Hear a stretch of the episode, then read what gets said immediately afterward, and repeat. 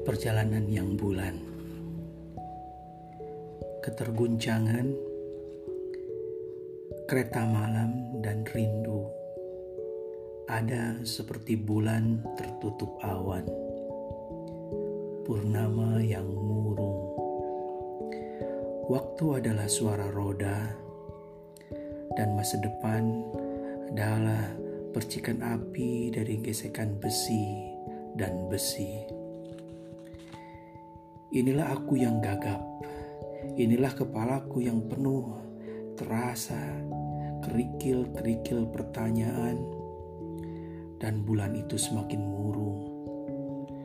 Lalu kubuka buku kalbu, ku coba tuliskan gelisah itu, walau hanya sebait puisi mentah. Jogja, Bandung, 28 Februari 2005